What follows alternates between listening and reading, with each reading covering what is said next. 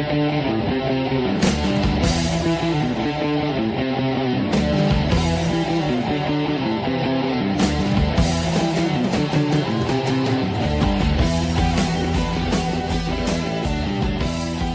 och välkomna säger vi då återigen till Sportbladets Premier League-podd med mig Patrik Syk. Eh, till vänster om mig sitter Erik Niva, mitt emot sitter Kalle Karlsson och till höger om mig sportchefen här på Aftonbladet, Håkan. Välkommen!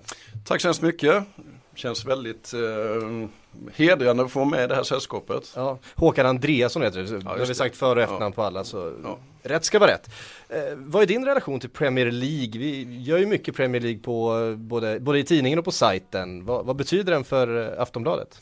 Ja, alltså Premier League, det är ju precis som med de här grabbarna, även om jag inte är lika fanatisk som dem, så har man, så är, har man ju växt upp med Tipsextra och eh, skapat en jävligt stark relation med det ända sedan, eh, sedan man var liten. Eh, och i takt med att Premier League liksom har växt och att intresset för det har växt så har ju vi eh, utvecklat vår journalistik väldigt mycket eh, runt Premier League också. Mm. Vad är din privata relation? Förutom att du tittade på Tips Extra. Vad, alltså vilket lag jag håller på? Ja, vilket lag håller du på? Hur ofta tittar du? Nej, Ser du alla matcher slaviskt? Nej, jag, jag tittar väl jämfört med de här två så tittar jag väl knappt på någon, några matcher alls då. Eh, men jag, jag kollar på några matcher då och då och jag och kollar alltid på mitt favoritlag Tottenham då. ja, som alla andra i den här branschen. Är det så? Varför, alltså, varför är det så Erik? Du förklarar det, det. Det finns mycket som behöver sägas i relation till det som just har blivit sagt. Och jag kan väl börja med Håkans relation till Tottenham Hotspur. För det var så att när jag kom till den här arbetsplatsen för ett drygt årtionde sedan. Då fick jag ju höra att jag skulle få jävla kraftfulla problem som Tottenham-anhängare när det började dra ihop sig till derby i norra London. För Håkan, han höll ju på Arsenal. Han sympatiserade med Fredrik Ljungsberg som är en Halmstadson precis som Håkan. Och att det nu har gått från den punkten till den här där Håkan Andreasson sitter och deklarerar att han ser alla matcher med sitt favoritlag Tottenham. Det kan man ju fundera och reflektera en del ja, kring. Ja. Jag, måste faktiskt bara, jag måste faktiskt bara säga att jag alltid eh, hållit på Tottenham. Men sen, och Arsenal. Nej, för att jag kommer från Halmstad, jag följde Fredrik Ljungberg och jag tyckte väldigt mycket om honom som spelare. Och när han kom till Arsenal så började jag eh, sympatisera lite med dem därför att jag ville att det skulle gå bra för Fredrik Ljungberg. Sen var det väldigt roligt att liksom föra fram detta på redaktionen mot Simon Bank och Erik Niva som liksom höll på att implodera av ilska så fort man liksom tyckte att eh, någonting som Arsenal gjorde var bra. Jag hade väl vissa ideologiska problem med den här kombinationen av supporterskap som då ofta slog över till rena Arsenal-sympatier så fort det var derby. Jag har väl kanske ännu större problem med att du har slagit tillbaka till någon form av eh, eh påstått renlärig Tottenham eh, bara utgångspunkt. Ja men det beror ju, det beror ju på att eh, Ljungberg slutade i Arsenal. Där förlorade de alla mina sympatier. Och det finns också någon lärdom att dra kring Sportbladet och vår journalistiska vision här. Man anpassar sig, man förändrar sina utgångspunkter efter behov. Ja, man tar inte allting på så jävla blodigt allvar alla gånger. Utan man, man gillar fin fotboll helt enkelt. Mm. Och du ska vara medveten om att du precis här och nu håller på att underminera hela Sportbladets redaktionella ställning. Ja, men det, samtidigt så måste det finnas en motpol till eh, alla de här eh, fanatikerna som jobbar här. Eh, som kan se lite med nyktra ögon på Premier League och, och liksom se ja, vad människor gillar. Nyktra ja. ögon på Premier League, det ja. låter ju helt galet. Ja. Det är ju ingenting vi sysslar med. Nej, det är bakvänt det hela. Ja. Men hur har, alltså du har ju jobbat på den här tidningen väldigt länge. Eh, och Premier League har förstås funnits med under alla de här åren som en, som en viktig del att bevaka för sporten. Hur har den förändrats? För alltså Premier League som företeelse har ju förändrats. Det är väldigt mycket mer pengar, det är mycket mer rättigheter, mycket mer tv, vi gör mycket mer tv. Eh, hur har ditt arbete kring allt det här förändrats under åren? Ja, alltså eh, Premier League är ju lite granna ligan i, eh, alltså diamanten i fotbollskronan skulle man kunna säga bland ligafotbollen. Eh, dels med den historia som finns eh, bland alla våra läsare och eh, bland svenska folket då. Och hur, precis som du säger, hur Premier League har utvecklats som medial produkt och hur het den har blivit över hela världen. Liksom. Så att Eh, i takt med att det snackats mer och mer eh, Premier League eh, så har ju vi satsat mer också och sett att liksom intresset finns. Sen är det ju, det var bra det här med, med, med Fredrik Ljungberg, att han, var, att han var så framgångsrik i ett så pass stort lag. Och eh, att vi fick en svensk vinkel på det som vi tyvärr inte har idag men som vore väldigt roligt att, att få igen. Man kan ju bara tänka sig vad skulle hända om, om Zlatan skulle hamna i Manchester United eller någonting. Eh, hur stort det skulle kunna bli. Mm. För det är ju extrema pengar det rör sig om när det gäller de här rättigheterna och vad, vad Viasat har betalt och vad alla andra i världen betalar för det här. Vad, vad är det som gör att just eh, Premier League är så ofantligt dyrt? Eh, ja, det korrekta och eh, Eh, lite tradigt cyniska svaret på det hela är ju att Premier League har varit överlägset skickligast på att kommersialisera sin verksamhet under de senaste två årtiondena. För det var ju utvecklingen därifrån som förändrade hela fotbollssporten i grunden för eh, ja, drygt 20 år sedan när Rupert Murdoch eh, bestämde sig för att göra en ny typ av satsning på att medialisera fotbollen, på att nylansera högsta divisionen som Premier League, på att sända då matcherna i ny paketering på Sky Sports och även göra det här till en internationell angelägenhet. Och det har ju gjort att Eh, den engelska högsta divisionen har gått från att vara någonting som är väldigt, väldigt stort på de brittiska öarna och i de skandinaviska länderna till den eh, mest globala, den mest internationaliserade idrottsligan som överhuvudtaget finns. Och det är klart att jämför man det ena med det andra, jämför man en match mellan Borussia Mönchengladbach och eh, Schalke 04 som visserligen är en jättefin eh, Bundesliga-match men då är ju det en tillställning som renderar ett intresse i huvudsak i Ruhrområdet i hög utsträckning i resten av Tyskland och i någon liten utsträckning i några angränsande länder. Medan en match mellan Manchester United och Everton når en nästintill en miljard publik världen över. Jag ska kanske inte pumpa upp siffrorna till orealistiska nivåer men det är hundratals miljoner som regelbundet och med stort engagemang följer de här lagen och det är klart att eh, den exponeringsmöjligheten gör det att Premier League-rättigheterna seglar iväg i pris. Men är det egentligen, är det, det har jag faktiskt funderat på, alla de här oligarkerna och shejkerna och sånt där som är i Premier League är de där bara för att det exponeras väldigt mycket eller är det ett klimat, alltså ett företagsklimat i eh, Storbritannien som gör att det passar bättre än att äga klubbar på, på, på andra ställen? Ja, både och. Om man tar Tyskland som exemplet man fortsätter med som kontrast så är ju 51%-regeln alltjämt intakt där. Det går inte att eh, få majoritets eh, ägande av Borussia Mönchengladbach. Däremot går det alldeles utmärkt att ta över West Ham United ifall man skulle få den lusten. Och det får man väl just i och med att den globala exponeringen är så total. Och ser man på oligarkernas alltså och shejkernas bakomliggande motiv så är det ju olika former av PR-kampanjer de är ute på. Abramovic vill eh, liksom popularisera sig själv och göra sig politiskt immun gentemot Kremlin. Och det bästa sättet att eh, nå en sån effekt var att eh, liksom eh, anknyta sitt eget namn till en Premier League-klubb och på så sätt bli eh, internationellt känd. Abu Dhabi-shejkerna bakom Manchester City, de vill ju göra Abu Dhabi till en eh, turistnation eh, för en tid då oljan inte är lika viktig längre och så vidare och så vidare. Men är det inte rätt mycket också att det är jävligt ball att äga en, eh, en fotbollsklubb? Och... Då går det trend bland miljardärerna. Ja, vi har så mycket pengar så att... Uh... Det finns ju de exemplen också. Just Abramovic så går väl åsikterna isär. Hur mycket är politiska motiv och hur mycket är just den här hobbyn, leksaken. Uh, men det är klart att det ibland finns sådana inslag. Men uh, Emirat staten och shejkstaterna som har gått in i fotbollen, där tror jag det är ganska lite så i de flesta fall. Där är det mer eller mindre statligt sjösatta marknadsföringsprojekt. De amerikanska ägarna, de är ju inne utifrån en kommersiell logik. Egentligen ja. i alla fall. Vilket gör dem till jävligt usla ägare. För man vill ju ha de här ägarna ifall man vill nå framgång som bara öser in miljarder. Ifall man vill ha ägare som plockar ut pengar ur klubben så då har man sämre förutsättningar för något sportsliga resultat. Hur är läget i United nu? Ja, det är ju samma som alltid att de har ju om man ska välja den glacier-vänliga analyslinjen så får man ju konstatera att de har ökat intäktsströmmarna något så jävulskt. De har ju varit skickliga på att eh, sluta sponsoravtal i Asien och liksom öka omsättningen till en ännu mer skyhög nivå än tidigare. Men utifrån de här pengarna så plockar ju de alltjämt åt sig en jävla massa. Det är ju pengar som försvinner från Manchester Uniteds intäkter innan de når en transferbudget.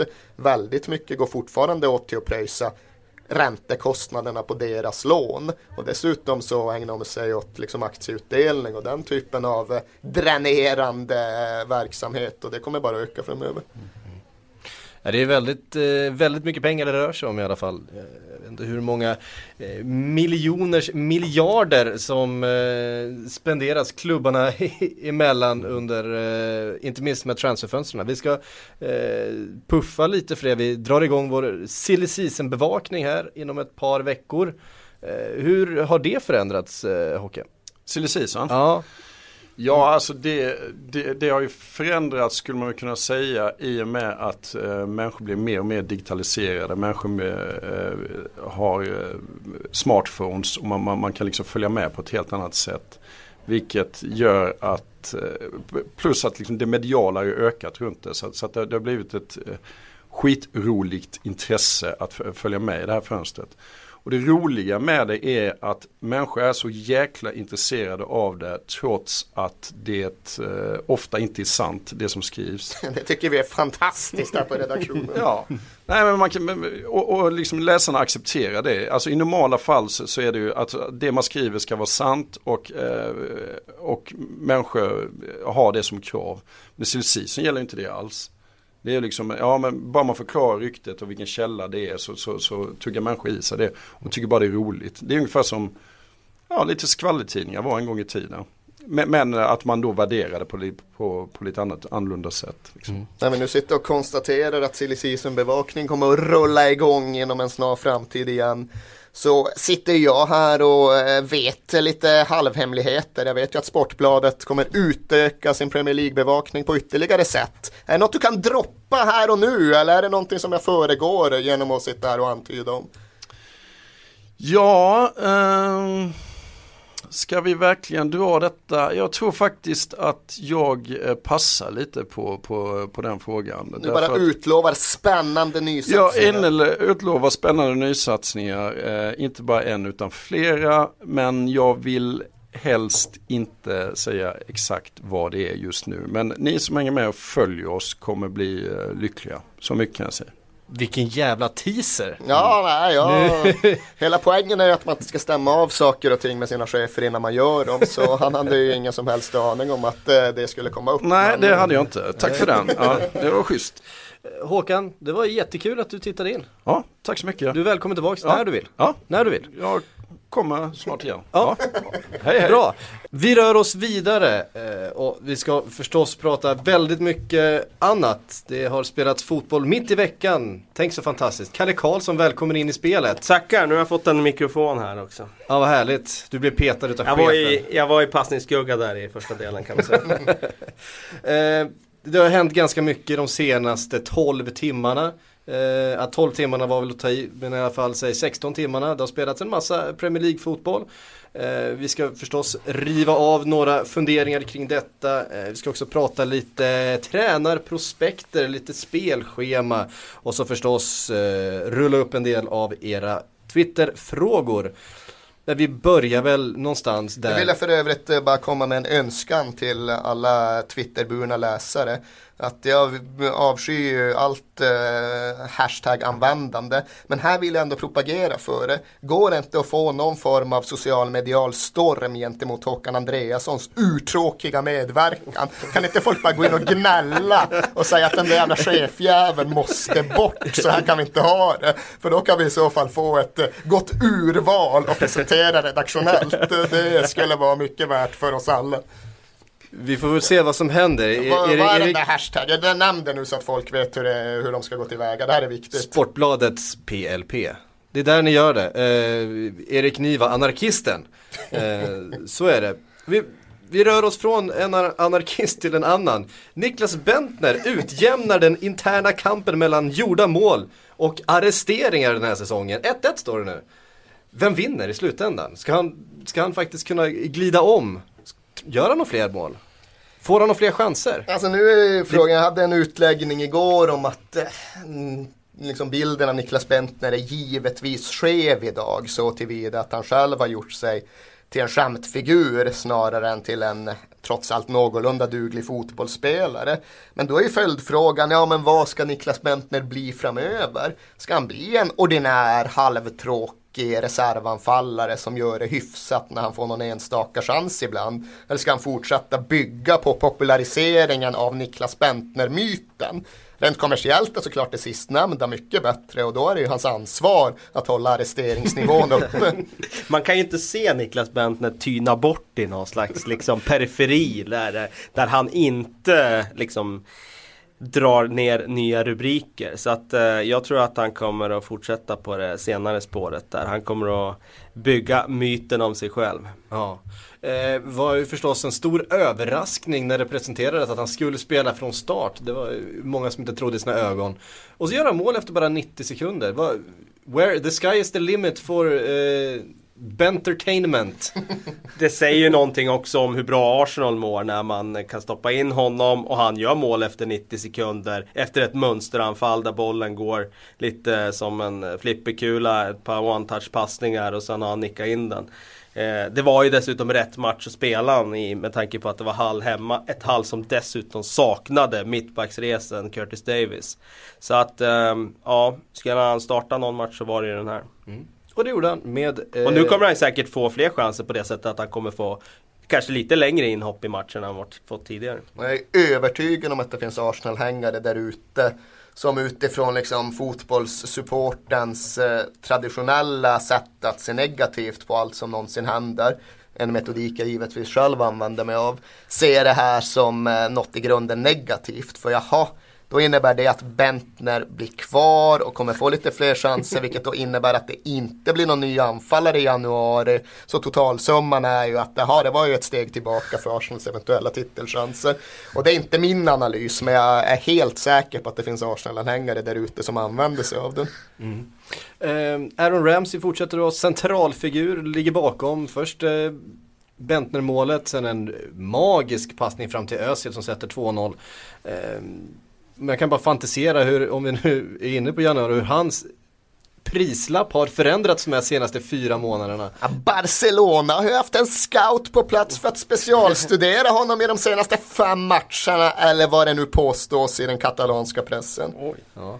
Bara, bara en sån sak. Och... Barcelona löser en innermittfältare från Arsenal. Jo, det vore ju populärt på många håll. Det har vi ju hört förut. Alltså han är ju den typen av spelare som jag tycker saknas mest egentligen i, i fotbollsvärlden idag. Alltså den där innermittfältaren som det fanns massor av upplevde jag på 90-talet. Den här tvåvägsspelaren som både tacklade, vann bollar, spelade fram, gjorde mål den här all action-spelaren. David Howells typ. Ja men Lotta Matteus tänker jag på min gamla barndomsidol. Steven Gerrard. Ja, Steven Gerrard, absolut det finns ju. Men de är ju så få nu. Det är Yahya Touré, det är Gerrard, det är någon till liksom. Men Alltså, ja, det är så har knappast få. Den, den kvaliteten kvar. Inte nu längre kanske, han hade väl det i mitten av 00-talet i alla fall. Men det är märkligt nu, jag märker på mig själv, när jag tänker tillbaks på Matteus så tänker jag på Libero Matteus. Vilket ju givetvis bara är en konsekvens av att det är det sista man minns. För det du syftar på när liksom var som bäst i typ VM 90 eller så, då var det ju precis den här tvåvägsmittfältaren. Men nu liksom när jag associerar Matteo så tänker jag på den här saggiga 40-åriga liberon som spelade EM 2000 och var bedrövlig. Men det är naturligtvis orättvist. Så är det. Eh, vi, vi, ska ha en podd sen där vi bara pratar Matteus. Ja, Matteuspodden. Ja, den eh, hade varit fantastisk. Alltså, han, är ju, han är ju både mer Gerard än Gerard på planen men han är också mer Bentner än Bentner utanför planen. Så han har alla ingredienser. Vi, vi styr upp något sånt. Uh, Arsenal befäster sin serieledning. Där bakom händer det också en del intressanta saker. Luis Suarez, hattrick i hattricks mot Norwich. Första spelaren någonsin i Premier League att göra tre hattricks mot samma lag. Snacka spöke alltså. Eh, och det är ju inte vilka mål som helst. Det, det är ju inte så att det är backarna som i, i eh, blind panik in, inför det här spöket liksom går bort sig. Nej, han, han dänger in dem från 40 meter, skruvar in frisparkar, gör trollkonster. Eh, vad, va, vad säger man om, om, är det liksom just Norwich som, som gör honom bra? Det, det är ju som sagt, det är supermål han gör, just mot Norwich, då är det inte första gången.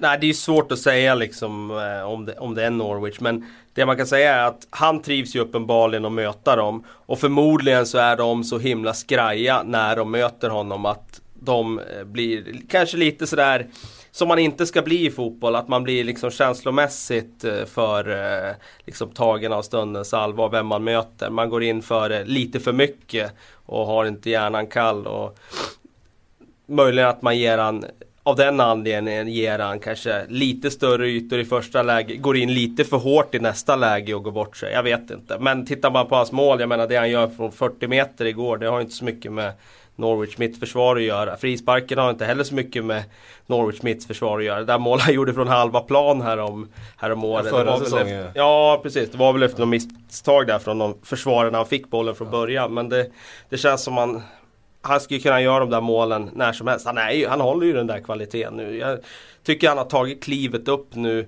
från att ha varit en av de bästa eh, anfallarna i Premier League till att nu vara i den där kategorin som är precis bakom Messi, Ronaldo. Det är kanske fem, sex spelare där som med Zlatan och med Ribéry och någon till.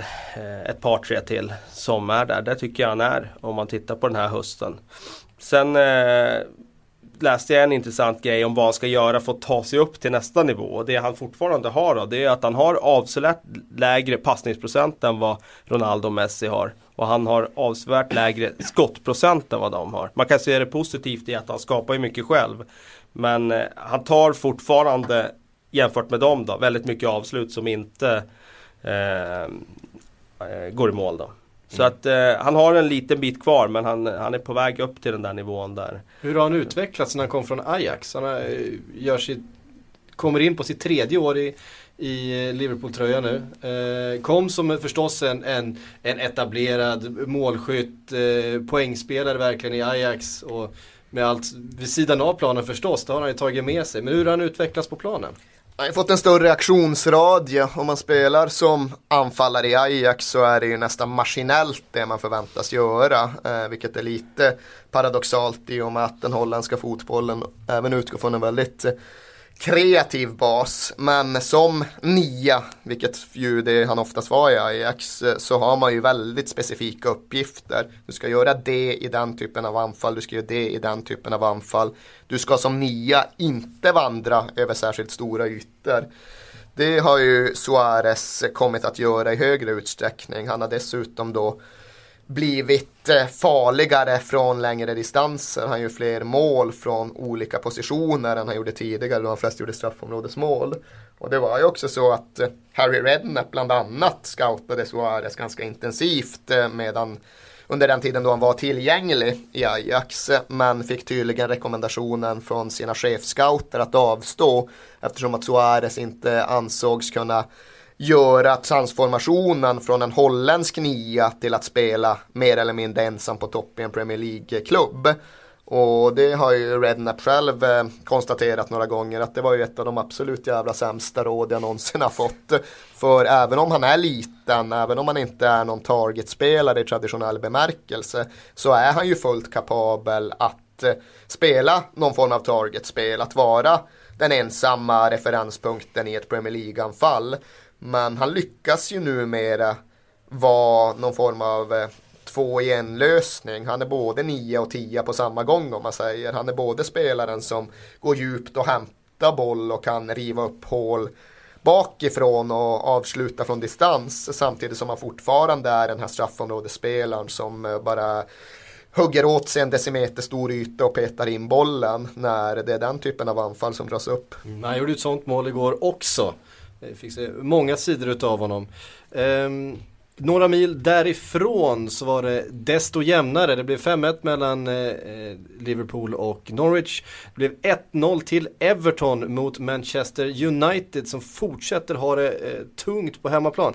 Vi ska eh, det är alltså andra gången de blir nollade på hemmaplan, eh, vilket ju de nästan aldrig blir annars. Eh, Sunderland har gjort fler mål nio mål på hemmaplan än Manchester United. Ehm, JJ Limpan på Twitter, eh, han undrar vad ska United göra för att komma på rätt spår igen? Byta tränare. Eh, och jag känner att vi kanske måste köra Moise genom köttkvarnen här och se vad han är gjord av egentligen. Och är han eh, egentligen. Jag vet att du har varit inne på det tidigare Erik, eh, där han tog Everton upp till en, till en eh, sjunde, åttonde, kanske sjätte plats i ligan sådär. Och nu ser han ut att göra ungefär samma sak med Manchester United. Är det, är det där någonstans hans nivå ligger, Kalle? Kan man uttrycka sig på det sättet överhuvudtaget? Eh, nej, det, jag tror att han har en högre nivå i sig. Eh, men eh, det jag vill flagga för lite det är ju det här med som jag också har flaggat för tidigare. Det är hur bra var egentligen den här truppen han tog över? Han tog ju visserligen över de regerande mästarna. Men om man tittar på Uniteds trupp idag så ser man ett mittförsvar med Nemanja Vidic och Rio Ferdinand som har varit backbone i det där laget i 8-9 års tid nu. Eh, ja, Vidic har väl inte varit där riktigt så länge men nästan. Eh, och eh, de är inte som de har varit tidigare. Eh, man, man, ser eh, men jag tänker på just det här med, med, med, Old Trafford och liksom borgen. Det har ju varit en av de absolut värsta ställena att komma till och spela fotboll som, som motståndare. Och man vet att Manchester United alltid liksom, det spelar ingen roll om de ligger under i, i 85, de är favoriter att vinna i alla fall. Jo men jag tycker inte de har, alltså de har inte den truppen idag för att vara så, alltså de blir ju avslöjade. Titta på elvan de startade med igår den är inte skrämmande på något sätt. Kolla på ett innermittfält med Fellaini och Ryan Giggs. Jämför det med de övriga lagen i, i toppen av Premier League. Så ser man att Manchester Uniteds innermittfält är överlägset sämst av de lagen. Och det blev ju alldeles uppenbart igår också att, att det förhåller sig på det sättet. Och det är ju där det stora problemet är. Och en spelare kan ju göra så enormt stor skillnad. Nu värvar de Fellaini för en jättesumma i somras. Hade de fått in rätt spelare i somras där så tror jag att eh, de hade inte lett ligan men det hade sett helt annorlunda ut i poängskörden. För jag tror det hade gjort så pass stor skillnad. Men jag tror att det går att jämka samman era båda resonemang och eh, få ut något av det. För jag är verkligen av uppfattningen att eh, det kanske viktigaste som Manchester United riskerar att förlora är den här X-faktorn. Kanske ska man kalla den Ferguson-faktorn. Den som gjorde att Manchester United med skrämmande stor regelbundenhet tog 10, 12, 15 poäng fler på en säsong än man egentligen tyckte att de borde ha spelat material för för den truppen som vann ligan i fjol. Visst, den var jättebra, men det var inte en trupp som borde ha avgjort eh, ligan i, i mars. I stort sett den, den truppen som spelar i år. Ja, i stort sett den. Och visst, de hade ju stundtals fantastiska lag. Liksom 99-laget var ju otroligt och jag tyckte faktiskt 2008-laget på pappret var ännu bättre. Men det var ändå någonting just med Fergusons eh, Class of 92 baserade Manchester United som gjorde att de eh, alltid nästan tog ännu fler poäng än man tyckte att materialet borde generera. Och det finns ju, det är svårt att liksom ställa upp den ekvationen på ett väldigt matematiskt korrekt sätt på ett papper. Utan det fanns ju någonstans i kombinationen av deras eh, vinnartradition som de själva hade skapat under åren och vad den genererade. Det genererade skräckslagna motståndare som var lite uppgivna på förhand och den genererade den där egna tron på Eh, den inneboende förträffligheten och det genererade väl i någon mån också domare som också förväntade sig att Manchester United skulle vinna på Old Trafford och så vidare och så vidare. Men eh, jag tror att den där X-faktorn, det där mentala övertaget, den där eh, mytologiseringen av hela Manchester United-konceptet snabbt håller på att holkas ur i och med att Ferguson har klivit ner. Och det är naturligtvis svårt att peka exakt på hur det kommer sig och vad det innebär och sådär. Men jag tror definitivt att det är den absolut viktigaste skillnaden på Manchester United idag gentemot hur det var i fjol. Jag tycker också att truppen är jag tycker inte heller att truppen är ligans just nu bästa, men det tyckte jag inte att den var i fjol heller. Jag tycker att Manchester United av idag borde ligga någonstans kring en tredje, fjärde plats utan att vara en självklar titelkandidat. De borde inte ligga nia, det ska de inte göra särskilt länge till. Men eh, just det där att de kan baxa sig till ganska osannolika höjder med en, jag ska inte säga ordinär trupp, men med en eh, trupp som inte håller självklar världsklass individuellt. Det är frågan om de tiderna är lite förbi.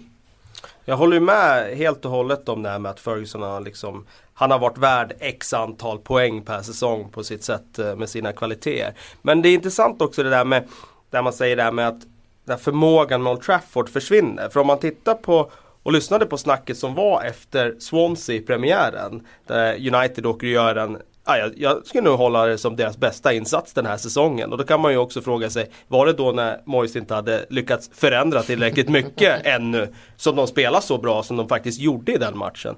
Eh, snacket efter den matchen var ju, ja det är samma gamla United.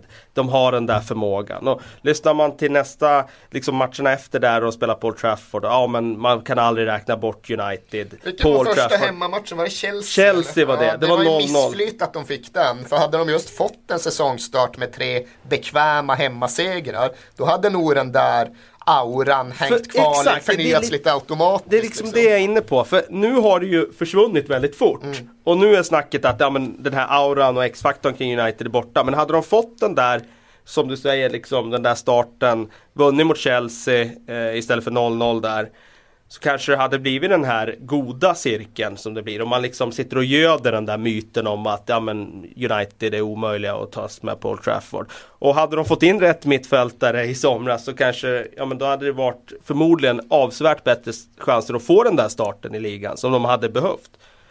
Alltså, som det, på så sätt hade han ju liksom, man förstår ju varför David Moyes verkade nästan maniskt upprörd över det där spelschemat. För någonstans gör han säkert samma analys inom sig själv även om man aldrig skulle erkänna den utåt. Men så som det har blivit nu så är det ju ofantligt enkelt att föreställa sig Alan Pardews inför matchen tal när Newcastle ska dit på lördag. Det är ju bara att peka på eh, de uppenbara faktumen. Liksom. Att hej, Everton var här och vann för några dagar sedan. West Brom var här och vann tidigare i höstas. Stoke var här och ledde tills det var knappt tio minuter kvar. Liksom, om de kan, skulle då inte vi kunna?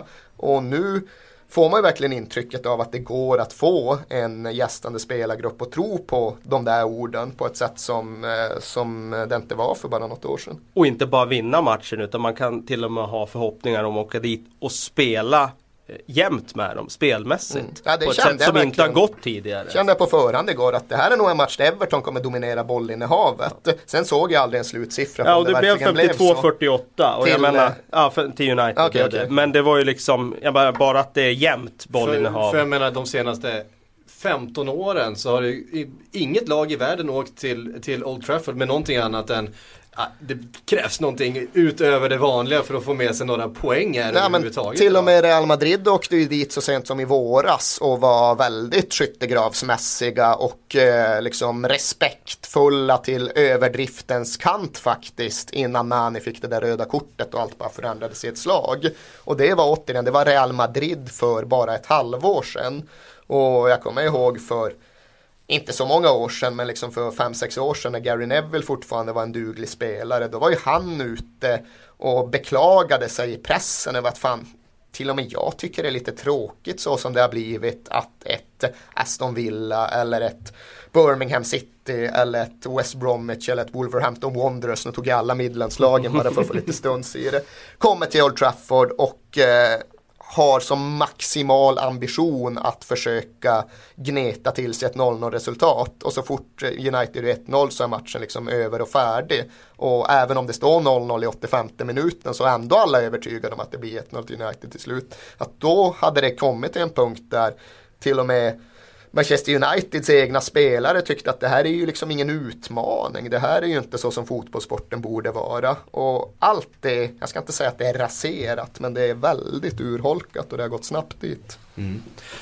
Det är väldigt intressant förstås. Um, vi lämnar Manchester United där och rör oss till eh, Tottenham. Vi ska eh, ta en eh, liten diskussion om eh, både Fulham och Tottenham för René Meulenstein, ska det uttalas så? Säker på det uttalet? Meulenstein? Meulenstein påstår Ola Wenström att han har stämt av med någon flamländsk eh, lingvist. ja just det.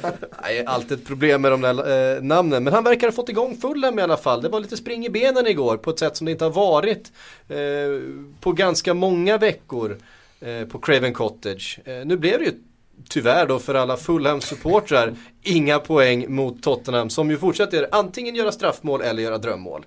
Det är det, det, det, det Tottenham verkar ha att välja på. Ja, den enda, det enda man kan utgå från är att vi spelar uselt i alla fall. Sen vad som följer där på, det kan variera lite grann.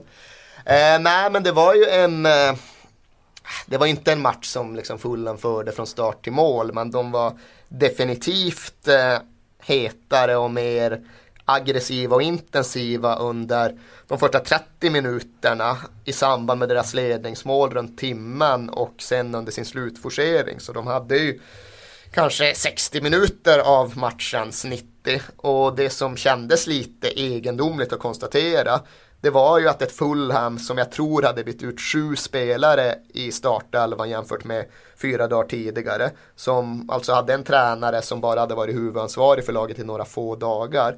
Att de såg mer färdiga ut, mer strukturerade, mer klara över vad som förväntades av dem. Än ett Tottenham som då har hackat sig fram under ett och ett halvt år med Andreas Boas. Och det får ju alarmklockor att ringa ganska högt. Hur kan det fortfarande se så ofärdigt ut? Till och med Berbatov så intresserad ut. Ja men det är helt uppenbart att är det någon jävla match han ska orka bry sig så här är mot Tottenham. Nu har ju han i och för sig hamnat i någon sån där situation där tydligen återigen muttrar om att han vill byta klubb och vi pratade tidigare om drömvärvningar kontra realistiska värvningar. På fullaste allvar så vore det jättenyttigt för Tottenham att få in Dimitar Berbatov i januari. Eh, och det skulle säkert ligga inom rimlighetens ramar vad gäller liksom det ekonomiska. Ja, sen liksom allt det där med Levis relation till Stabe Berbatov och det, det vet jag inte om det är så rimligt att tro på. Men eh, alltjämt jättebra när han är intresserad. Kruxet där är väl att de tillfällena då han är intresserad blir allt färre. Hur såg det ut för Tottenham igår med tanke på att Defoe starta eh, med tanke på att de först spelade Lennon till vänster, Lamela till höger, så bytte de kant sen? Ja, kanterna fungerade inte inte. Uh, Lamela, inte efter bytet då? Ja, Lamela, Lamela blev av någon anledning lite mindre dålig när han gick över till vänster. Han påstods ju vara som bäst till höger mm. när han spelade i Roma och uh, kunde då skära in och böja in bollar i bortre gaven. Men han kom inte alls in i matchen när han spelade till höger. Uh, och Lennon är ju aldrig bra när han spelar till vänster så det funkade överhuvudtaget inte. Det blev lite bättre när de skiftade kant. Lamela tog i alla fall några initiativ och Lennon fick någon rush ner mot kortlinjen men kanterna fungerade illa igår. Defoe gjorde det Defoe alltid gör. Uh, han sprang sig till några skottlägen och det är ju på sitt sätt mer än vad Soldado har bemödat sig med under de flesta matcher. Dock så är det ju alltid den där skillnaden med Defoe att när han springer till sig några skottlägen hemma så gör han mål men när han springer till sig några skottlägen borta så missar han. Och eh, därtill är ju hans targetspel eh, i den här typen av bortamatcher under målet. Så ja, det var väl en två plus insats av Defoe. Mm. Vi ska eh, lägga gårdagen till handlingarna alldeles alldeles strax. Men först ska vi bara ta en liten resa upp till Sunderland. Up North och Stadium of Light där eh, Chelsea tog en knapp seger till slut, 4-3. En galen tillställning eh, och man undrar ju lite grann, Mourinho, detta försvarsgeni, han brukar ju vara Eh, som absolut bäst att täppa till. Eh, och 4-3 matcher brukar väl inte vara hans melodi, men så blev det mot bottenlaget Sunderland. Eh, och 14 insläppta nu på lika många matcher för Chelsea. Det är inte riktigt eh, den Mourinho som vi har vant oss vid att följa, eller hur? Ja, jag tror väl kanske inte att vi ska dra några extremt långtgående slutsatser utifrån att eh, Chelsea släpper in tre mål uppe på Stadium of Light. Eh, jag tror inte att det säger så extremt mycket om en förändrad Mourinhosk mentalitet. Däremot så kan man ju konstatera att det inte är samma John Terry han har tillgång till nu som det var under sin första vända i klubben. Och det är ju också lite berättigat att fundera kring huruvida det är en sådär extremt strålande situation som England står inför när de ska gå in i ett VM-slutspel med Gary Cahill som eh, någon form av första val på mittbacken. För jag tycker väl att han är bra, men jag tycker inte att han håller hög internationell klass. Igår var det lite speciella mål, det var tre fasta situationer. Först ett märkligt flippermål efter en frispark. Och sen var det väl två hörnor därefter. Eh, och det säger väl inte heller så mycket om liksom lagets generella viktning. Men det säger såklart någonting om att eh, de saknar någonting på defensiva fasta. Vilket ju definitivt har varit en Mourinhosk käpphäst under tidigare perioder. Mm. Men bortsett från matchen igår då, där, som var målrik, så ser jag ju större fara för eh, Chelseas offensiv än vad jag ser för Chelseas defensiv faktiskt. För att det har ju sett ganska torftigt ut i ganska många matcher den här hösten när de har spelat. Och att ha så många talangfulla spelare till, till att tillgå och prestera så dålig fotboll som Chelsea har gjort i många matcher. Det sätter jag ett stort frågetecken kring Mourinho. Det vet jag att många fans också har gjort. Eh, det kan väl bara vara värt att, att få med i förbifarten att den insats som Eden Hazard gör igår, det är nog den bästa insats som en offensiv Chelsea-spelare har gjort individuellt sett den här säsongen. Och det är klart att Hazard har ju verkligen potentialen att höja sig ytterligare, inte bara ett utan flera snäpp. Jag trodde faktiskt att när han kom till Chelsea så skulle han ha stått inför en eh, snabbare anpassning och utveckling än vad som faktiskt har blivit fallet. Jag trodde att han skulle ha varit mer dominerande vid det här laget. Men igår visade han ju vad som finns där och kan han spela närmare den nivån lite mer regelbundet då kommer ju han i alla fall göra sig till ett eh, helt självklart val i den där Chelsea-offensiven för så bra borde han vara. Mm. Eh, vi lämnar gårdagen eh, till handlingarna Eh, och rör oss vidare. Jag tänkte, vi har pratat en del om talangfulla spelare här i podden och inte minst hur svårt det är att se vem som vem som kommer bli den där stjärnan och vilka som stannar av i sin utveckling. Jag tänkte vi skulle fortsätta lite på det spåret men vända blickarna mot tränarbänken. För vi har ju sett lite generationsskifte bland, eh, på de engelska eh, bänkarna. Vi, eh, Alex Ferguson har slutat förstås. Vi har fått in en Vias Boa som etablerat sig. Brendan Rodgers, Roberto Martinez, Pochettino i Southampton. Hur Eh, hur ser framtiden ut när det kommer till tränarna i Premier League? Vi, dom, eller vi, eh, det domineras väldigt mycket spansk ideologi, vi har en del spanska tränare också, ett par portugiser förstås, men också ett spanskt tänk på en nordirländare som Brendan Rodgers. Är det, eh, är det bara på modet eller är det det ni ser även i framtiden? Alltså toppfotbollen är ju häpnadsväckande trendkänslig. Man tycker att fan eh, det här borde vara organisationer som står över den sortens nyckfullhet. Men historien har ju gång på gång visat att så är det inte. Utan det som fungerar och dominerar världsfotbollen under en period, den, eh, det ger avtryck på, på i stort sett alla nivåer. Eh, och nu har det varit just det spanska som har varit högsta mode under något halvt decennium eller så. Men har ju under det senaste året eh, kanske då passerats av det tyska. Eh, det blev ju det där lite smått symboliska generationsskiftet eller maktskiftet när de tyska klubbarna sprang över de spanska Champions League-semifinalerna. Och man misstänker väl att det kan bli en VM-turnering där ett lite åldrat spanskt landslag inte kunna komma, kommer kunna återupprepa sina triumfer. Eh, så det får väl mig att tro att nästa stora fotbollstrend som jag avtrycker Premier League-fotbollen blir den tyska. Det är ingen direkt vågad gissning, men det får ju konsekvensen att man kan se fler tyska tränare, eller i alla fall tyskfostrade tränare, ta Premier League-jobb under kommande år. Och jag tror definitivt att eh, en sån som Sami Hyppie kommer att träna i Premier League och eventuellt i Liverpool inom en eh, överskådlig framtid. Även om nu den där 5-0 matchen mot Man United i förra veckan inte var hans starkaste reklamkort. Jag kan definitivt se Jürgen Klinsmann hamna i Premier League, kanske till och med i Tottenham. Eh, ja, eventuellt redan på andra sidan VM-slutspelet när han i så fall skulle kunna vara tillgänglig utifrån sitt arbete i USA. Och det är ju bara de tyska tränarna, tysk eh, fostrade eller tysk eh, relaterade tränarna med direkt Premier League-koppling. Sen finns ju en sån som Thomas Tuchel i Mainz eh, som ju är den nästa, den andra Jürgen Klopp eh, som jag tror kommer vara attraktiv för många klubbar.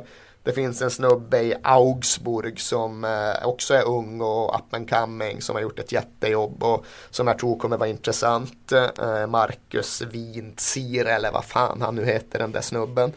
Eh, Ralf Rangnick är ju en engelskskolad tysk som alltid har legat nära till hans när det har diskuterats. Men han har nu hamnat i någon jättemärklig situation och han är sportsligt ansvarig för den diaboliska Red Bull-satsningen över hela Europa. Han var ju superhet innan han blev sjukskriven. Ja, och han har just, han, vad fan var det, han är typ Cambridge eller någonting. Han var lite som Holier var, att han visst han är kontinental men han har en gedigen bakgrund inom den engelska fotbollen under några ungdoms eller formningsår. Så hans namn kommer nog säkert komma tillbaka igen.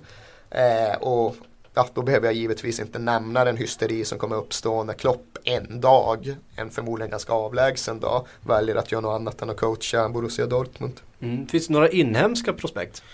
Jag gjorde en lista för två år sedan på de tio mest lovande brittiska tränarna. Och, Låt mig eh, gissa att typ alla har fallit ifrån sen dess. Eller? Nej, inte riktigt. Det var ju för typ ett år sedan. Då var känslan att alla hade Alltså, i alla fall gått neråt. Boothroyd typ. Nej, inte det. Ja, den var, liksom. ja, men precis. Han var ju med. De, var, de som var med då, det var ju Paul Lambert. Eh, Brennan Rogers, det var etta, tvåa. Sen var trea var Owen Coyle och han har ju verkligen gått ut för nu. Sparken i Bolton, sparken i Wigan här i veckan. Eh, och det var Malky Mackey var med. Eh, han har ju fortsatt uppåt då. Eh, Darren Ferguson var med. Han har ju inte fortsatt uppåt. Eh, Doggy Friedman. Eh, det var eh, Nigel Adkins. Och det var Även en ung kille som jag satte på i alla fall femma, sexa som heter Eddie Howe som jag tror väldigt mycket på. Han eh, blev ju player coach under Kevin Bond i Bournemouth när han var, bara var 29 år. Han är tillbaks där nu va? Han Precis, och sen tog han ju huvudansvaret där och förde ju faktiskt upp dem i Championship. Så han är ju fortfarande bara 36. Eh, och det tror jag är en, alltså en riktig talang. En annan som var väldigt ung och kom in i tränaryrket tidigt det är ju Carl Robinson som är i Milton Keynes.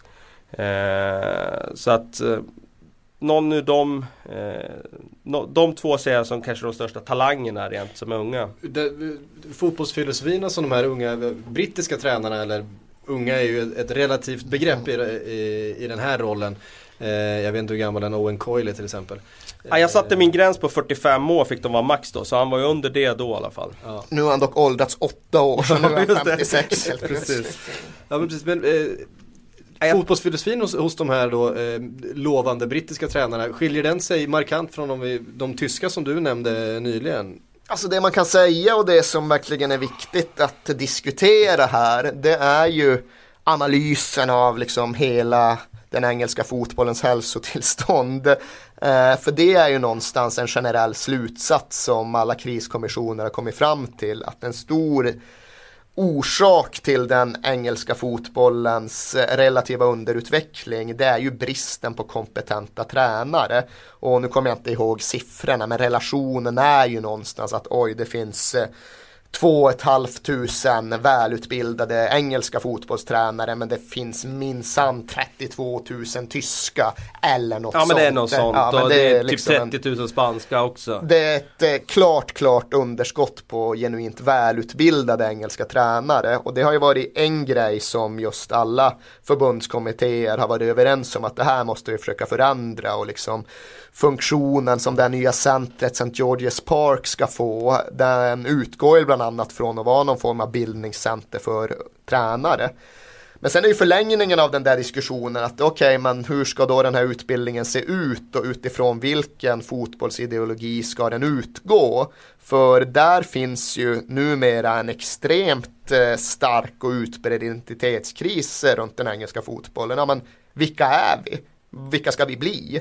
En gång i tiden så så var det Rule Britannia, Britannia Rule the Waves och VM 66 och allt det där och liksom fortsatta framgångar in i 70-80-tal bla bla bla liksom. Då kände sig den engelska fotbollen ganska bekväm med sitt kulturella arv. Kanske väl bekväm under väl många år uppriktigt sagt. Men nu finns det ju ingen, eh, inget självförhärligande hybris utan snarare tvärtom en liksom överdriven vankelmodighet och ett överdrivet tvivlande. Nu har den här viljan att liksom försöka bli någon form av spanskdoftande England slagit över lite grann under några år. Och nu kommer säkert just den här tyska grejen att påverka mycket av diskussionen under några år framöver. Men många av de som har uttalat sig och verkligen har lite befogenhet i frågan, de återvänder till det. Ja, men vi måste ju faktiskt definiera vilka vi är och vad vi tror är styrkorna i den engelska fotbollsidentiteten och hur vi därifrån ska ta oss till nästa punkt. För det måste ju någonstans finnas en en eh, fungerande utgångspunkt i all den här tränarutbildningen. Man kan inte bara utbilda folk hipp som happ och se vad som händer. Även för att det är ju det som har känts. Det känns som att de spanska lagen har varit framgångsrika med sitt spanska sätt att spela. De tyska lagen har varit framgångsrika med sitt tyska sätt att spela. De italienska klubbarna har varit framgångsrika med sin italienska fotboll. Medan de engelska klubbarna de försöker bara plocka godbitarna ur alla andra har liksom slarvat bort sin egen, sin egen ideologi. Ja så är det ju. Samtidigt så blir det ju lätt att man hoppar på den här karusellen som snurrar. För man ser nu som Pochettino som gör det bra med en spansk influerad filosofi. Vi har Roberto Martinez som gör det bra i Everton med en spansk influerad filosofi. Man ser ju att det får genomslag rakt igenom. Nu har Oscar Garcia kommit in i Brighton med samma typ av Barcelona-tänk där. Det, liksom, det slår inte bara i Premier League utan även längre ner i seriesystemet. Så jag tror när vi får se de här framgångarna för de här lagen här uppe i Premier League så tror jag att det kommer fortsätta med det spanska spåret ett tag till. Men som Erik säger, det är klart att det kan komma en tysk våg här nu om ett eller två år. Mm. Eh, beroende på hur det går i Champions League och, och VM. Ja, men det där kan jag verkligen tänka på för hade bara Paul Gascoigne tajmat eh, sina trippar löpande steg fram mot den tyska mållinjen lite mindre uselt under förlängningen av EM-semifinalen 96 så hade England vunnit den matchen på någon euforisk våg sen bara kört över Tjeckien i finalen och hävt det som då var 30 years of hurt men som nu snart är 50 years of hurt. Och det hade varit tillräckligt för att i förlängningen slippa de här självtvivlen som jag nu har tyckt Eh, som jag nu tycker har gått till lite väl stor överdrift. För jag tror inte på det spanskformade England framöver. Jag tror inte att det är den vägen som England kan konkurrera med den övriga omvärlden. Utan jag tror att de måste utgå från det som brukade vara den engelska fotbollens kännetecken och styrkor. Tempot, intensiteten, kampviljan, allt det där. Jag tror att de måste utgå därifrån och sen förfina, utveckla, modifiera det lite grann. Men att liksom England ska bli bättre än Spanien på att vara Spanien. Det ser jag inte som särskilt realistiskt. Jag ser det inte som en väg som jag tror att eh, den engelska fotbollen kommer att känna igen sig i ifall man försöker knalla ner för den. Och här tror jag visserligen inte att en sån som Brendan Rodgers håller med. För han argumenterar ju väldigt eh, inlevelsefullt och initierat för att det finns liksom ingen det ska inte finnas någon teknisk underlägsenhet eh, bland engelska 13-åringar jämfört med spanska 13-åringar utan de är minst lika naturligt begåvade och därifrån är det sen bara en fråga om hur vi fostrar och formar dem. Men jag tror ändå att det finns något lite djupare fotbollskulturellt eh, rotat där som gör att liksom vägen till att utspanska Spanien är så lång och så svårframkomlig att det inte är den man ska gå. Och det finns väl en eh en ganska enkel sak att peka på om man ska titta på tekniska utvecklingen hos eh, 13-åringar i England och Spanien och det är hur mycket futsal de spelar i de olika länderna som både brasilianska och spanska och portugisiska spelare brukar hänvisa till som den bästa skolan att utveckla eh, det tekniska spelet. Alltså jag hörde det här om sisten så det var så jävla osannolikt att jag inte fick det att stämma ens i mitt eget huvud för nog fan har jag sett sju matcher i England. Men det var Gary Lineker som var ute och argumenterade argumenterade i den här frågan och utgick från att ja, men, i vårt land så låter vi barnen spela 11 fotboll oavsett ålder. Och så kan det väl inte vara. Nog fan jag har sett sju matcher i England. Fem, fem matcher där. Ja exakt och det är klart att det finns små planer. Men han överdrev väl argumentet för att tydliggöra det. Det finns ju en väldigt mycket större tendens att låta yngre barn spela på stora planer. Vilket då får konsekvensen att ja, det, man får effekt på att knacka bollen långt till den stora killen och man får ingen effekt på den lilla snidaren som inte får mer än två bollkontakter på en halvlek och som ändå inte får något ut av dem för att han är från långt från målet. Så mm. det är givetvis någonting som måste förändras alldeles oavsett ideologisk väg. När det är små barn som spelar fotboll så ska de naturligtvis spela på små planer. Ja. Det om eh, tränare och ideologier och filosofier och eh, barn på små planer. Eh, vi ska ta lite läsarfrågor, eller lyssnarfrågor. Jag säger alltid läsarfrågor när vi kommer över. Jag vet inte. Gammelmedialt va? Ja, det är fruktansvärt. Vi ska ta lite lyssnarfrågor före vi knyter ihop säcken här. Eh, och vi börjar med Mattias Holmén som har skrivit många fina frågor till oss här under säsongen. Eh, han undrar, vad tycker ni om spelarlån? Etablerade landslagsspelare som lånas ut för att förstärka konkurrenter. Barry Lukaku till exempel, som lag som City och Chelsea drar stor nytta av en form av den ekonomiska spelardopningen. Eh, jag tror han syftar till det här som Mourinho uttalade sig om i veckan att ja, det är ju fantastiskt att vi har lånat ut Lukaku. Han tar ju poäng utav ifrån våra konkurrenter. Eh, men mot oss får han ju inte spela. Är det här, en, är det här en, en, någonting som går att sätta i system? Ja, det gör det ju upp till den gränsen att eh, man ska klara av att eh, ha råd att ta alla de här spelarna på lönelistan. Köpa in alla de här spelarna och i vissa fall får man i alla fall stå för en del av lönekostnaden beroende på vilken klubb man lånar ut till. Det är klart att det är problematiskt med det här lånesystemet men man får inte glömma bort fördelarna också med att låna ut unga spelare som får speltid. Vad skulle de annars göra? Sitta och ruttna på en bänk? Det är klart att i extremfallet med Lukaku så, så ehm, är det ju lite olyckligt att det blir så att han inte får spela matcherna mot Chelsea. Men å andra sidan, jag vet att det är i andra ligor så får de spela matcherna mot det laget. Jag ser inte varför man inte skulle kunna förändra det och låta spelaren spela de matcherna. Det är ju självklart att det kan finnas skriver, en... Skriver man in det i kontraktet istället så... Ja, men jag tror Ja, men då kan man ha regeln att man inte får skriva in det i kontraktet. För det är samma sak, det finns en regel att om man värvas i januari så får man inte skriva in i kontraktet att man inte får möta den klubben då. Sådär. Så att eh, det går ju att lösa på det sättet. Det, det, det, blir ett problem hur man än eh, vänder och vrider på det. Ska de sitta på bänken och ruttna istället? Det är ju frågan. I mina ögon är det ju liksom där någonstans skillnaden mellan sjukdom och symptom ligger. Det finns problem med lånesystemet men ska man liksom gå till botten med det hela är givetvis problemet eh, att eh, fotbollsvärlden idag är så jävla ojämlik att de stora och de rika klubbarna kan eh, buffra upp med en 25 trupp där alla är välmeriterade landslagsmän mer eller mindre men enbart 11 kan spela. Och eh, ja, jag kan ju tycka att det vore bättre ifall de här välmeriterade landslagsspelarna spreds ut över en liga och tillhörde olika klubbar och liksom att deras karriärer någonstans anpassades efter deras förmåga snarare än att man just hamnar i en situation då det bara är fem, sex klubbar som eh, klarar av att äga de riktigt eh, skickliga, dyra, lovande spelarna och sen liksom att det därifrån handlar om att fördela smulorna på olika sätt. Men om vi är inne på Lukaku, var det inte lite intressant, ett litet stickspår med den här beefen mellan Mourinho och Lukaku som nu verkar liksom blossas upp. Han är ju väldigt eh, bitsk i sina ko kommentarer Mourinho mot Lukaku nu.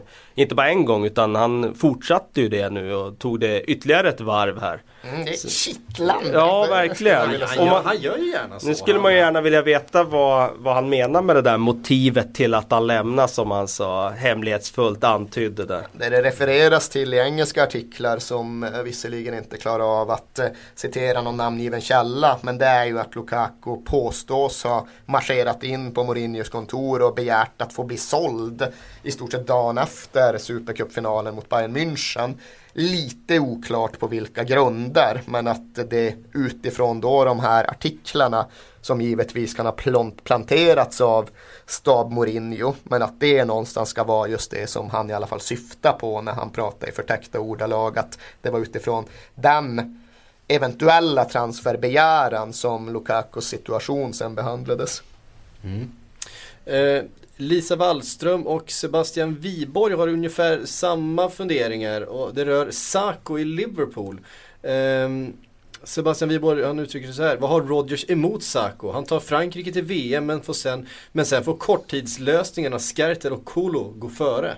Skertel en korttidslösning? Ja, jag, jag, vet inte vad menar med det heller. Åtta år senare blev han en korttidslösning. Ja, ja. Uh, vad tror du Kalle? Jag vet inte om man har något emot. Jag var ju förvånad här om veckan när vi satt och pratade i podden och han skulle ta ut ett mittbackspar. Det var väl precis matchen efter den där Frankrike, ja liksom triumfen där. Exakt. Och eh, då trodde jag ju verkligen att Sakho skulle få starta. Sen är det ju, jag menar efter 5-1 mot Norwich har jag ju förståelse för om man kör vidare på samma. Man kan ju undra varför han inte startar efter halvmatchen då. Eh, men nej, jag har inget svar på det. Däremot så hade jag gärna sett honom spela vänsterback. Men nu var ju Flanagan så bra mot Everton så han spelade sig in i laget där. Eh, men jag, jag hade gärna sett honom som vänsterback i den här fyrbackslinjen som spelar nu. Alltså det jag inte följde i tillräckligt detalj för att känna mig trygg att tycka något om det utan Eh, utan istället är mer nyfiken på, det var ju det här utspelet som Rodgers gjorde i veckan och det finns ju någon här i alla fall som följer Liverpool i väldigt eh, eh, noggrann detalj så du kan redogöra för det. Men han var alltså ute och dundrade om att det var bristfällig kvalitet på mm, truppens bredd. Ja. Samtidigt som man då har varvat 8-9 spelare under den senaste fem månaders perioden. Vad, hur, vad är grejen där liksom? Hur får han ihop det?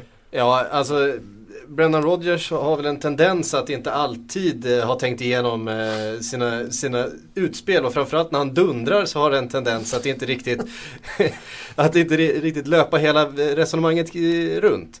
Uh, och det var ju många som ställde sig just den frågan, vad menar du? Du har ju värvat som sagt en massa spelare och Ja just ja, den typen ja, så här breddspelare Och, och, och när, man släpp, när man släpper in uh, tre mål mot Hall och det är uppenbart i försvaret som det brister och man har kanske fler mittbackar än Vad hade den där killen från Sport? Ilori där ja, Han skulle väl lånas som, ut nu i januari, Ja det, det ryktas om det och han har inte fått chansen alls han var en av de mest lovande mittbackarna och Eh, fantastisk på alla tester och sådär. Det, det, är lite oklart vad eh, Brennan Rodgers vill med, med alla de här spelarna han har tagit in. Eh, Jago, finns det ju Jago Aspas han vill förmodligen låna ut dem till Sunderland allihop. Men... Ja, precis. eh, jag vet inte ifall han ångrar att han lånade ut Borini, det har jag svårt att se. Ja, eller att han sålde Asaidi, det har jag också svårt att se. Ja, han sålde alltså? Eh, ja, eller, Fick lånade, de pengar eller lånade han ut? Ja, det är säkert. Jag, jag, jag kan inte, inte helt säker. pröjsa för det verkar helt bisarrt. Jag ja, tror det var lån faktiskt. Det kanske, det kanske var lån. Eh, ja, ni ser ju. Eh, utan jag tror att han upplever en frustration över att de här prospekten som han såg när han värvade en, en Alberto och en Iago Aspas och han fick in en Victor Moses eh, sent. Att, att de faktiskt inte har bidragit med det som han hade eh, hoppats på. Det är briljant att försöka förekomma innan han blir, för, innan han blir påkommen liksom. Att han går ut och dundrar kring något som i så fall uppenbart måste läggas på honom. Varför inte? Det är ja, ju han det, som har värvat in de där alla soporna. Det är, ju, det är ju där resonemanget inte riktigt eh, går hela vägen runt. Um, och ja, jag vet inte ifall han försöker sätta press på, på sina egna bänkspelare som ju inte har uh, levererat riktigt en, en, en Aspas och en Alberto då som uh, det pratas om och, och en Sacco som det betalades väldigt dyra pengar för. Hur ligger det till med Soso nu för tiden? Han är ju so han är utlånad till Almeria va? Där han ju gör succé. Exakt, han, han har gjort bra där. Uh, varit i... Så det, det höjs röster på Red and White Cop att man ska ta tillbaka Soso. Är det, det, gör det, det gör det förstås. Det gör det förstås. Och det är många som är, ja vi måste försöka hitta någon sorts kryphål i kontraktet och försöka få hem honom i januari. Men, men eh, i ärlighetens namn så är det ju inte en Soso som ska komma och, och förbättra den kreativa eh, balansen på mittfältet. Utan det kanske måste till antingen en eh, förändring i hur man formerar det här mittfältet. Nej, det är fortfarande Jay Spearing. Ja, Jay Spearing är såld. Han är såld. Okay, han är såld. Är och, John, och John är såld. Ja, det är jag faktiskt klar över. Men... Eh, Briljant John Joselvi-match av John Joselvi igår just. Han satte ett drömmål i krysset, han snubblar in en annan boll. Han borde tydligen ha blivit utvisad efter att ha skallat någon jävel. Han, ja, han en, var väldigt mycket John Joselvi. En Shelby hattrick kan vi kalla Men jag måste säga det, jag satt och såg faktiskt reprisen av eh, City Swansea och jävla bra han var i den matchen, John Joselvi. Han var ju den enda i Swansea i den matchen som var bra. Han var riktigt bra faktiskt. han, ju... har ju, han har ju en högsta nivå som få alltså. Men... Det var ju som Brendan Rodgers sammanfattade sammanfattare, vilket jag i och för sig får intrycket av att han sammanfattar till typ alla han pratar med. Men han sa ju det till John Gör själv att han har all the tools in his locker. Och det har han faktiskt. Det har han faktiskt. Sen måste han klara av att öppna the locker också. Det är inte alltid han har nyckeln med sig. Men han är i teorin en komplett eh, modern offensiv mittfältare. Men än så länge är det just i teorin. Mm. Eh, men en, en otrolig personlighet och en, en, spelare som man älskar att titta på för precis vad som helst kan hända. Och, eh, ja, sådana tycker vi om. Ja, det ska finnas East End Boys kvar i den högsta engelska ligan också. Det, det är visserligen så att West Ham inte genererar så där vanvettigt många längre men han är från West Ham-land, jag tror han är från Romford, Essex och då förutsätter jag att man även är uppvuxen med West Ham. Kan mycket väl vara Where I come from we don't grass som han summerade i relation till Alex Ferguson efter utvisningen där förra hösten. Tyckte det var helt fantastiskt roligt. Ja, eh, det var faktiskt allt vi hann med då. Kjell, vi fick avsluta den här, eh, det, eh, vad är det, den tolfte avsnittet av eh, Sportbladets Premier League-podd. Vi är förstås tillbaks nästa torsdag. Vi som har pratat heter Erik Niva, Kalle Karlsson, jag heter Patrik Syk. Glöm inte Håkan Andreasson. Och Håkan, glöm inte den hashtag-kampanj som jag verkligen hoppas att vi kan få uh, fart på här. Ja, det är upp till er lyssnare. Jag kommer, jag kommer inte balansera på den slaka linan. eh, tack för att ni har lyssnat. Vi hörs nästa vecka. Hej!